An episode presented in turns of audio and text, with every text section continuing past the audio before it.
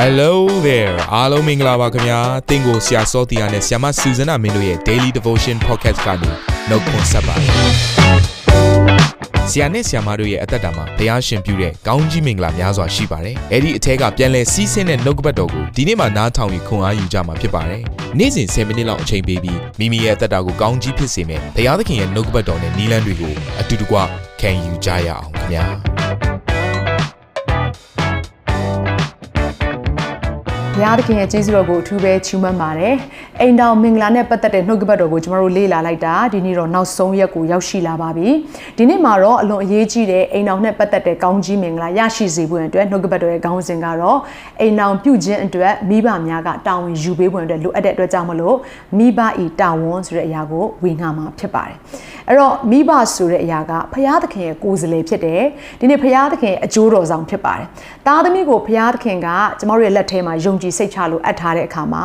သားသမီးနဲ့သက်ဆိုင်တဲ့ကောင်းကြီးမင်္ဂလာဆွေစဉ်မျိုးဆက်လိုက်ဆက်ပြီးတော့စီစဉ်သွားစေဖို့ရန်အတွက်မိဘတွေကသားသမီးအတွက်တာဝန်ယူရပါလိမ့်မယ်။ကောင်းသောအိမ်တော်ဘက်ကိုရရှိစေဖို့အတွက်ကျမတို့မှာတာဝန်ကြီးတဲ့အတွက်ကြောင့်မလို့မိဘဘက်ကနေပြီးတော့လှုပ်ဆောင်မဲ့အရာတွေကိုကျမဒီနေ့ပြောပြချင်ပါတယ်။ဘာဖြစ်လို့လဲဆိုလို့ရှိရင်ဒီနေ့ကျမတို့အသက်အရွယ်ငယ်တဲ့အခါမှာစဉ်းစားတဲ့ပုံစံကျမတို့ရဲ့စိတ်ခံစားချက်အဲကျမတို့ရဲ့အတွေးခေါ်တွေကအယမ်းကိုနှုတ်နယ်လွန်တဲ့အခါမှာအမြဲတမ်းအမှားတွေကျမတို့ရွေးချယ်မိတတ်ကြတယ်ဆုံးဖြတ်မိတတ်ကြတယ်။သို့အသက်အရွယ်ကြီးရင်လာတဲ့အခါမှာအခုအသက်အရွယ်40နီးပါးဖြစ်လာတဲ့အခါမှာကျမတို့ရဲ့စဉ်းစားတဲ့ပုံစံကကွဲပြားသွားတယ်။ပို့ပြီးတော့မှန်ကန်စွာနဲ့ဆုံးဖြတ်တက်လာတယ်။အဲ့တော့ဆိုလိုတဲ့အရာက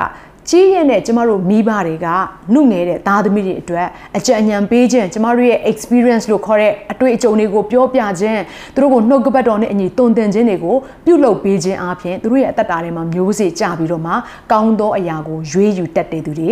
ဖြစ်လာမှာပါ။ဒါကြောင့်မလို့ဒီနေ့မိဘများနဲ့သက်ဆိုင်တဲ့เนาะအကြောင်းအရာကိုကျွန်မပြောပြလိုတယ်။ကဘာဦးကျမ်းခန်းကြီး24ကိုကြည့်လိုက်တဲ့အခါမှာအခန်းငယ်1ကနေ4မှာ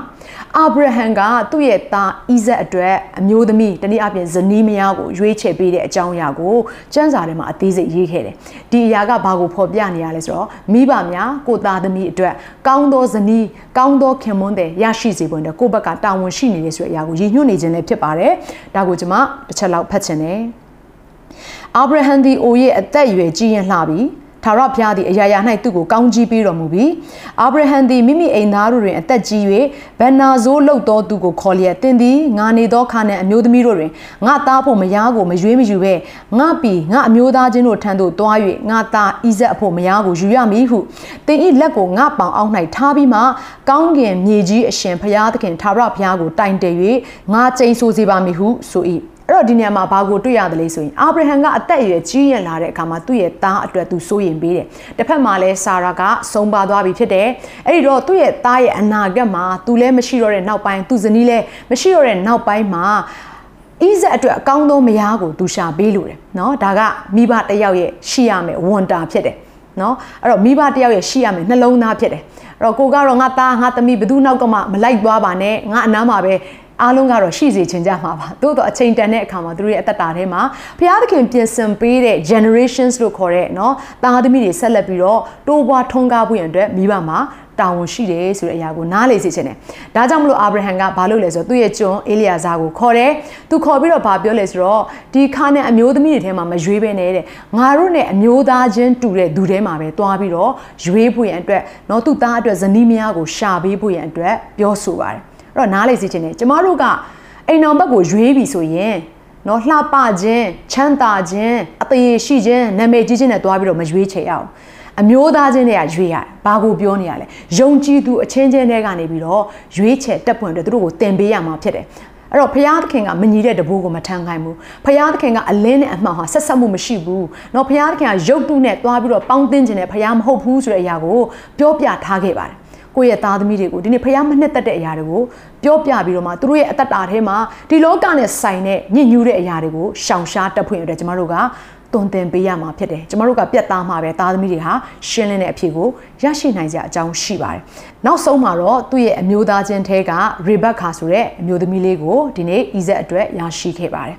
ဒါကြောင့်ကျွန်မနားလေစေချင်တဲ့မိဘများကောင်းသောဇနီးမယားကောင်းသောခင်မွန်းတွေရရှိဖို့ရန်အတွက်ကျမတို့ကကိုယ်တိုင်ကမကထလုပ်ပြီးတော့သားသမီးတွေနဲ့ချိတ်ဆက်ပေးတတ်ဖို့ရန်အတွက်လည်းလိုအပ်ပြန်တယ်ဒါဟာညံပညာပဲစံစာထဲမှာကျမတို့နှုတ်ကပတ်တော်ကိုကြည်ချင်းအပြင်ကျမတို့ရဲ့အသက်တာထဲမှာသားသမီးတွေအတွက်ကောင်းသောအရာကိုအဲရွေးယူပေးတတ်တဲ့မိခင်တွေဖခင်တွေဖြစ်လာပါလိမ့်မယ်အဲ့တော့မိဘတွေဘက်ကလုပ်ရမယ့်အရာတွေကိုကျွန်မစတင်ပြီးတော့ပြောလို့ရတယ်ပထမတစ်ချက်ကတော့ ကိုတောင်ဝန်ကိုတိမှတ်ခြင်းရှိရပါမယ်အခုနကျွန်မပြောခဲ့တဲ့အကြောင်းအရာလေးတွေကတော့ကိုယ့်ရဲ့မိဘဘက်ကနေပြီးတော့သားသမီးတွေကိုတုံတင်ရမယ့်အရာတွေရွေးချယ်တဲ့အခါမှာအမှားအယွင်းမရွေးချယ်မိစေဖို့ရန်အတွက်ကိုယ့်ဘက်ကတုံတင်ပေးရမယ့်အရာလေးတွေကိုနှုတ်ကပတ်တော်နဲ့တုံတင်ပေးတတ်ဖို့ရန်အတွက်ကိုယ့်ရဲ့တောင်ဝန်ကိုတိမှတ်ခြင်းရှိပါ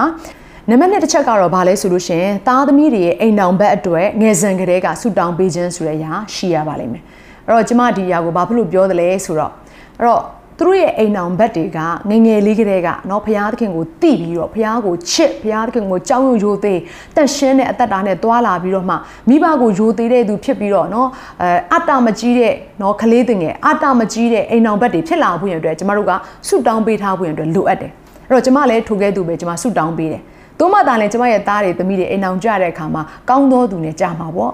အဲ့တော့ကျမတို့ကပြင်ဆင်ရမှာဖြစ်တယ် အခုတည်းကကျမတို့ကဆုတောင်းပေးထားမယ်ဆိုရင်သူတို့ရဲ့အိမ်အောင်ဘက်တနည်းအားဖြင့်ကျမတို့ရဲ့အနာဂတ်မှာဖြစ်လာမဲ့သားသမီးတွေကိုကောင်းကြီးပေးနေခြင်းဖြစ်တယ်လို့အဲကျွန်မပြောချင်ပါတယ်เนาะအဲ့တော့တတိယအရေးကြီးတဲ့အချက်တစ်ချက်ကဘာလဲဆိုရင်ပုံသက်သေးဖြင့်အသက်ရှင်ခြင်းရှိရပါလိမ့်မယ်အဲ့တော့အိမ်တောင်ပြုတ်ခြင်းဆိုတဲ့ပုံသက်သေးကိုသားသမီးတွေကအိမ်ထဲကပဲရှာလို့ရပါတယ်အပြင်ကနေသွားရှာလို့မရအောင် အဲ့တော့ကိုဇနီးမောင်နဲ့နှစ်ယောက်ကြားထဲမှာရှိတယ်တယောက်ကိုတယောက်လေးစားခြင်းတယောက်ကိုတယောက်ချစ်ခြင်းတယောက်ကိုတယောက်တစ္ဆာရှိခြင်းတွေကနေ့ရဲ့အစဉ်တိုင်းမှာပေါ်လွင်နေရမယ်အဲ့တော့သူတို့ကအဲ့ဒါကိုမြင်တော့မှပဲအော်ဒါကအိမ်အောင်ပြုတ်ခြင်းပါလားဆိုတော့သဘောပေါက်ပြီးတော့သူတို့ရဲ့မိသားစုတွေထဲမှာထိုကောင်းသောအရာကိုတည်ဆောင်သွားနိုင်မှာဖြစ်တယ် သို့မဟုတ်ပဲနဲ့တယောက်ကိုတယောက်ရံဖြစ်နေမယ်နော်အပြစ်တင်နေမယ်တယောက်ကိုတယောက်လက်ညှိုးထိုးနေမယ်တာယာပျော်ရွှင်ပွဲကောင်းတဲ့အိမ်တောင်မဟုတ်ဘူးနော်တကယ့်ကိုစိတ်ပြက်စရာကောင်းတဲ့အိမ်တောင်ဆိုရင်သူတို့ကလည်းအော်အိမ်တောင်ပြုခြင်းဆိုတာဒါပါလားငါတို့အိမ်တောင်ပြုတဲ့အခါမှာငါတို့ရဲ့မယားငါတို့ရဲ့ခင်မွန်းတဲ့ကိုဒီလိုလုပ်လို့ရပါလားအနိုင်ကျင့်လို့ရပါလားဆိုတော့အတွေးခေါ်တွေရောက်သွားမှာဖြစ်တယ် ဒါကြောင့်မလို့နားလည်စီခြင်းတယ်မိဘများကျမတို့အိမ်ထဲမှာအသက်ရှင်တဲ့အခါမှာသားသမီးတွေကိုစကားနဲ့ဆုံးမတာတဲ့ကိုယ့်ရဲ့အသက်တာနဲ့ဆုံးမတတ်ဖွင့်အတွက်လည်းအရေးကြီးပါတယ်ပုံသက်တွေဟာတကိုးကြီးပါတယ်အာမင်ဒါကြောင့်မလို့ဒီနေ့ပုံသက်တွေကောင်းတဲ့မိခင်ဖခင်တွေဖြစ်ဖွင့်အတွက်ကျမအထူးတိုက်တွန်းနှိုးဆော်လိုတယ်နောက်ထပ်အရေးကြီးတဲ့နံပါတ်လေးတစ်ချက်ကတော့ဘာလဲဆိုလို့ရှိရင်သားသမီးနဲ့မိဘကြားထဲမှာယဉ်ကျေးကျွမ်းဝင်မှုကိုတိစောက်ဖွင့်အတွက်အရေးကြီးပါတယ်အဲ့တော့ငယ်စဉ်အချိန်မှာတော့သားသမီးနဲ့မိဘကြားမှာ close relationship လို့ခေါ်တဲ့ အဲတကယ့်ကိုရင်းနှီးကျွမ်းဝင်တဲ့အဲမိသားဟာဖွဲ့ခြင်းတွေရှိပေမဲ့ကြီးလာလေးလေမိဘနဲ့သားသမီးကြားထဲမှာကွာဟလာတယ်လေပဲဒါကြောင့်မလို့ကွာဟသွားတဲ့ဆက်ဆံရေးမဖြစ်စေဘူးအတွက်ကျမတို့မိဘဘက်ကနေပြီးတော့သားသမီးတွေကိုတငယ်ချင်းပေါင်းပေါင်းပြီးတော့သူတို့ရဲ့နှလုံးသားတွေကိုနားထောင်ပေးတတ်ဖွယ်အတွက်အရေးကြီးတယ်အဲ့တော့ဘာဖြစ်လို့ပြောလဲဆိုလို့ရှိရင်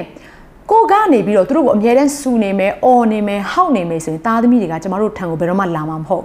အဲ့တော့အပြင်လောကမှာရှိနေတဲ့ မရင်ကျက်သေးတဲ့သူတို့တငယ်ချင်းတွေစီပဲသွားပါလိမ့်မယ်အဲ့လိုသွားပြီဆိုရင်မကောင်းတဲ့အကြံမမှန်ကန်တဲ့အကြံပေးမှုတွေရောက်လာတဲ့အခါမှာသူတို့ပျက်စီးနိုင်ကြအကြောင်းရှိတယ်ဒါကြောင့်ကျမတို့လုပ်ရမယ့်အရာကသားသမီးတွေကျမတို့ထံကိုချင်းကပ်လို့ရနိုင်မဲ့เนาะပုံစံနဲ့ကျမတို့ကအသက်ရှင်ပွင့်အတွက်အရေးကြီးတယ်တကားဖွင့်ထားပေးရမယ်တခုခုဆိုเนาะကျမတို့ကစူဖို့ထက်နားထောင်ပေးဖို့အတွက်ပြင်ဆင်ကြည့်ပါသားသမီးတွေကလေကျမတို့ကိုယုံပြီးတော့ကျမတို့ပြောသမျှစကားကိုပဲနားထောင်ပြီးတော့သူတို့ရဲ့အသက်တာထဲမှာလည်းကောင်းစားခြင်းဆိုတာရှိလာမှာဖြစ်ပါတယ် နောက်ထပ်အရေးကြီးတဲ့နံပါတ်5တစ်ချက်ကတော့ဘာလဲဆိုတော့စီကံတတ်မှတ်ခြင်းရှိရမယ်အဲ့ဒါကဘာလဲဆိုတော့သားသမီးတွေကိုနားလည်ပေးပါနားထောင်ပေးပါသို့တော့နှုတ်ကပတ်တော်နဲ့လွဲတဲ့အရာတွေအပေါ်မှာတော့စီကံတင်းတင်းမတ်မတ်ချမှတ်ရမှာဖြစ်တယ် ဆိုပါစို့မယုံကြည်သူနဲ့လက်ထပ်ခွင့်ကလုံးဝမပေးနိုင်ဘူးစသဖြင့်เนาะတင်းရဲ့အသက်တာထဲမှာလက်မထက်ခင်မှားယွင်းခြင်းเนาะမရှိရဘူးစသဖြင့်ဒီအရာတွေကိုတင်းတင်းကြပ်ကြပ်ဆုံးမပေးရမှာဖြစ်ပါတယ်သို့မှသာလင်သားသမီးဟာကိုကိုเนาะချစ်ကြောက်ရိုသေပြီးတော့မှဒီနေ့ဘုရားသခင်ရဲ့တရားလမ်းထဲမှာတွားတက်တဲ့သားသမီးတွေဖြစ်လာပါလိမ့်မယ်အရေးကြီးဆုံးနောက်ဆုံးတစ်ချက်ကတော့ဘာလဲဆိုတော့မိဘကိုယိုသေးခြင်းဆိုတဲ့အချက်ပဲဖြစ်ပါတယ်။အေဖက်ခန်းကြီး6ခန်းငယ်1ကနေ3ထဲမှာဒီလိုဖော်ပြခဲ့တယ်။ သားသမီးတို့သခင်ဖျားကြီးအလိုတော်နှင့်အညီမိဘစကားကိုနားထောင်ကြလော့မိဘစကားကိုနားထောင်ခြင်းအမှုသည်တရားသောအမှုဖြစ်၏မိဘကိုယူသည်စွာပြုလော့ဤပိညတ်တော်ကတင်သည်ပြီးတော်၌ကောင်းစား၍အသက်တာရှိမည်အကြောင်းဟူ၍ဂတိတော်နှင့်ဆိုင်သောပထမပိညတ်ဖြစ်၏လို့ပြောခဲ့ပါတယ်ဒါကြောင့်မလို့နားလေစေခြင်းနဲ့ဘုရားသခင်အရေးကြီးတယ်လို့ပြောတဲ့အရာကိုကျမတို့ကအရေးကြီးတဲ့နှုတ်ကပတ်တော်အနေနဲ့ခံယူတတ်ဖွင့်အတွက်လိုအပ်ပါတယ်အဲ့တော့မိဘကိုယိုသေးခြင်းဆိုတဲ့အရာကိုမိဘတွေဖြစ်တဲ့ကျမတို့ကအရင်လုပ်ရပါမယ် အဲ့တော့ကို့မှာဖျားသခင်ပေးထားတဲ့မိဘတွေအသက်ရှင်နေဆိုရင်သားသမီးတွေအရှိမမိဘကိုယိုသေးခြင်းအမြဲတမ်းပြုမှုပါသို့မှသာလည်းကျမတို့ကိုကျမတို့ရဲ့သားသမီးတွေဟာယိုသေးလာပြီးတော့ကျမတို့စကားကိုနားထောင်မှာဖြစ်ပါတယ်။ထို့ကဲ့သို့မိဘစကားကိုနားထောင်ခြင်းအပြင်ကျမတို့ရဲ့အသက်တာထဲမှာကောင်းကျိုးတွေအများကြီးရှိပါတယ်။အဲ့တော့အသက်တာရှိမယ်။ရောက်တဲ့အရက်တိုင်းမှာကောင်းစားမယ်။သူတစ်ပါးရဲ့အထက်မှာချီးမြှောက်ခြင်းကိုခံရမယ်။ ဖခင်ပေးတဲ့အမွေကိုလည်းရမှာဖြစ်တယ်။ဟာလေလုယာ။ဒါကြောင့်မလို့ဒီနေ့ဖခင်ပေးတဲ့မိဘတွေကိုကျမတို့ယိုသေးမယ်ဆိုရင်ကျမတို့ရဲ့သားသမီးတွေဟာလည်းကျမတို့ကိုယိုသေးပြီးတော့တာယာပျော်ရွှင်ပွဲကောင်းတယ်။အိမ်အောင်မိသားစုဖြစ်လာပါလိမ့်မယ်။သူတို့ရဲ့အသက်တာထဲမှာလည်းထိုပုံသက်တွေကိုတည်ဆောင်သွားပြီးတော့ဆွေစဉ်မျိုးဆက်လိုက်မိဘစကားကိုနားထောင်ခြင်းမိဘရဲ့အကြံပေးခြင်းကိုလက်ခံခြင်းမိဘရဲ့စီမံမှုကိုလက်ခံခြင်းဆိုတဲ့အကြောင်းအရာတွေ ဖြစ်ပေါ်လာကြအကြောင်းရှိတယ်လို့ကျွန်မနှုတ်ကပတ်တော်အားဖြင့်ခွန်အားပေးလိုပါတယ်အရောက်ချင်းစီတိုင်းဒီနေ့အိမ်တောင်နဲ့ပတ်သက်တဲ့ကောင်းကြီးမင်္ဂလာရရှိသွားမယ်လို့ကျွန်မယုံကြည်တယ်ဘုရားသခင်ထူကောင်းကြီးပေးပါစေအတူတူကအသက်တာအသေးသေးကိုစက္ကန့်အနှံကြပါစို့ဖရာသခင်ယနေ့နှုတ်ကပတ်တော်အတွက်ကိုရောကိုအထူးပဲကျေးဇူးတင်ပါတယ်။သားသမီးတွေအသက်တာထဲမှာလိုအပ်တဲ့အချိန်မှာလိုအပ်သောနှုတ်ကပတ်တော်ကိုဖွင့်ပြတော်မူတော်ဖရာ။ နာမတော်ဒီဘုံကြီးမင်္ဂလာရှိပါစေဒီနေ့နှုတ်ကပတ်တော်အတိုင်းပဲမိဘတွေဖြစ်တဲ့ကျမတို့တယောက်ချင်းစီတိုင်းရဲ့အသက်တာထဲမှာကိုယ့်ရဲ့အလိုတော်လမ်းထဲမှာအသက်ရှင်ပြီးတော့ပုံသက်သေးကောင်းတဲ့သားသမီးရဲ့အရှိမရက်တည်နိုင်သောမိဘတွေဖြစ်စေဖို့အတွက်သားသမီးကိုဆက်လက်ပြီးတော့ကိုရောတုံတင်ပေးတော်မူပါတစ်ဖက်မှာလည်းအိုးဒီနေ့နှုတ်ကပတ်တော်ကိုနားထောင်နေကြတဲ့အိမ်အောင်ပြုတ်ဝင်အတွက်ရည်ရွယ်ထားကြတဲ့သားသမီးတယောက်ချင်းစီရဲ့အသက်တာထဲမှာလည်းမိဘစကားကိုနားထောင်တတ်တော်သူများဖြစ်စေဖို့နဲ့ကိုရောမဆပါကိုယ့်ရဲ့အလိုဆန္ဒကိုယ့်ရဲ့တက်မှတ်ခြင်းနောက်ကိုမလိုက်ဘဲနဲ့ဘုရားရဲ့အလိုဆန္ဒဘုရားသခင်ရဲ့အကြံစီတော်ထဲမှာအသက်ရှင်တတ်တော်သူများဖြစ်စေတော်မူပါဒီနေ့နှုတ်ကပတ်တော်ကိုနားထောင်နေကြတဲ့သူတယောက်ချင်းစီရဲ့အသက်တာထဲမှာလူတို့ကြံစီမမှီနိုင်သောကြီးစွာသောအိမ်တော်နဲ့သက်ဆိုင်တဲ့ကောင်းကြီးမင်္ဂလာတက်ရောက်စေဖို့ရတဲ့ရောက်ချင်းစီကိုကောင်းကြီးပေးတဲ့အခါမှာယေရှုနာမကိုအမိပြု၍ကောင်းကြီးပေးလေဆုတောင်းဆက်ကဲအနှံပါတဲ့အဖမြတ်စွာဘုရားသခင်အာမင်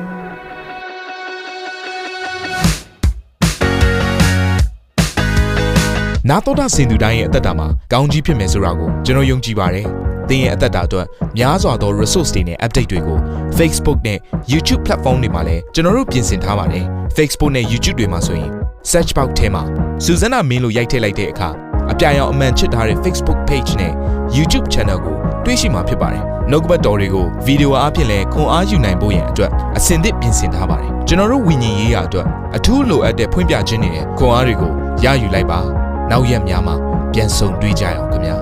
အားလုံးကိုနှုတ်ဆက်ပါတယ်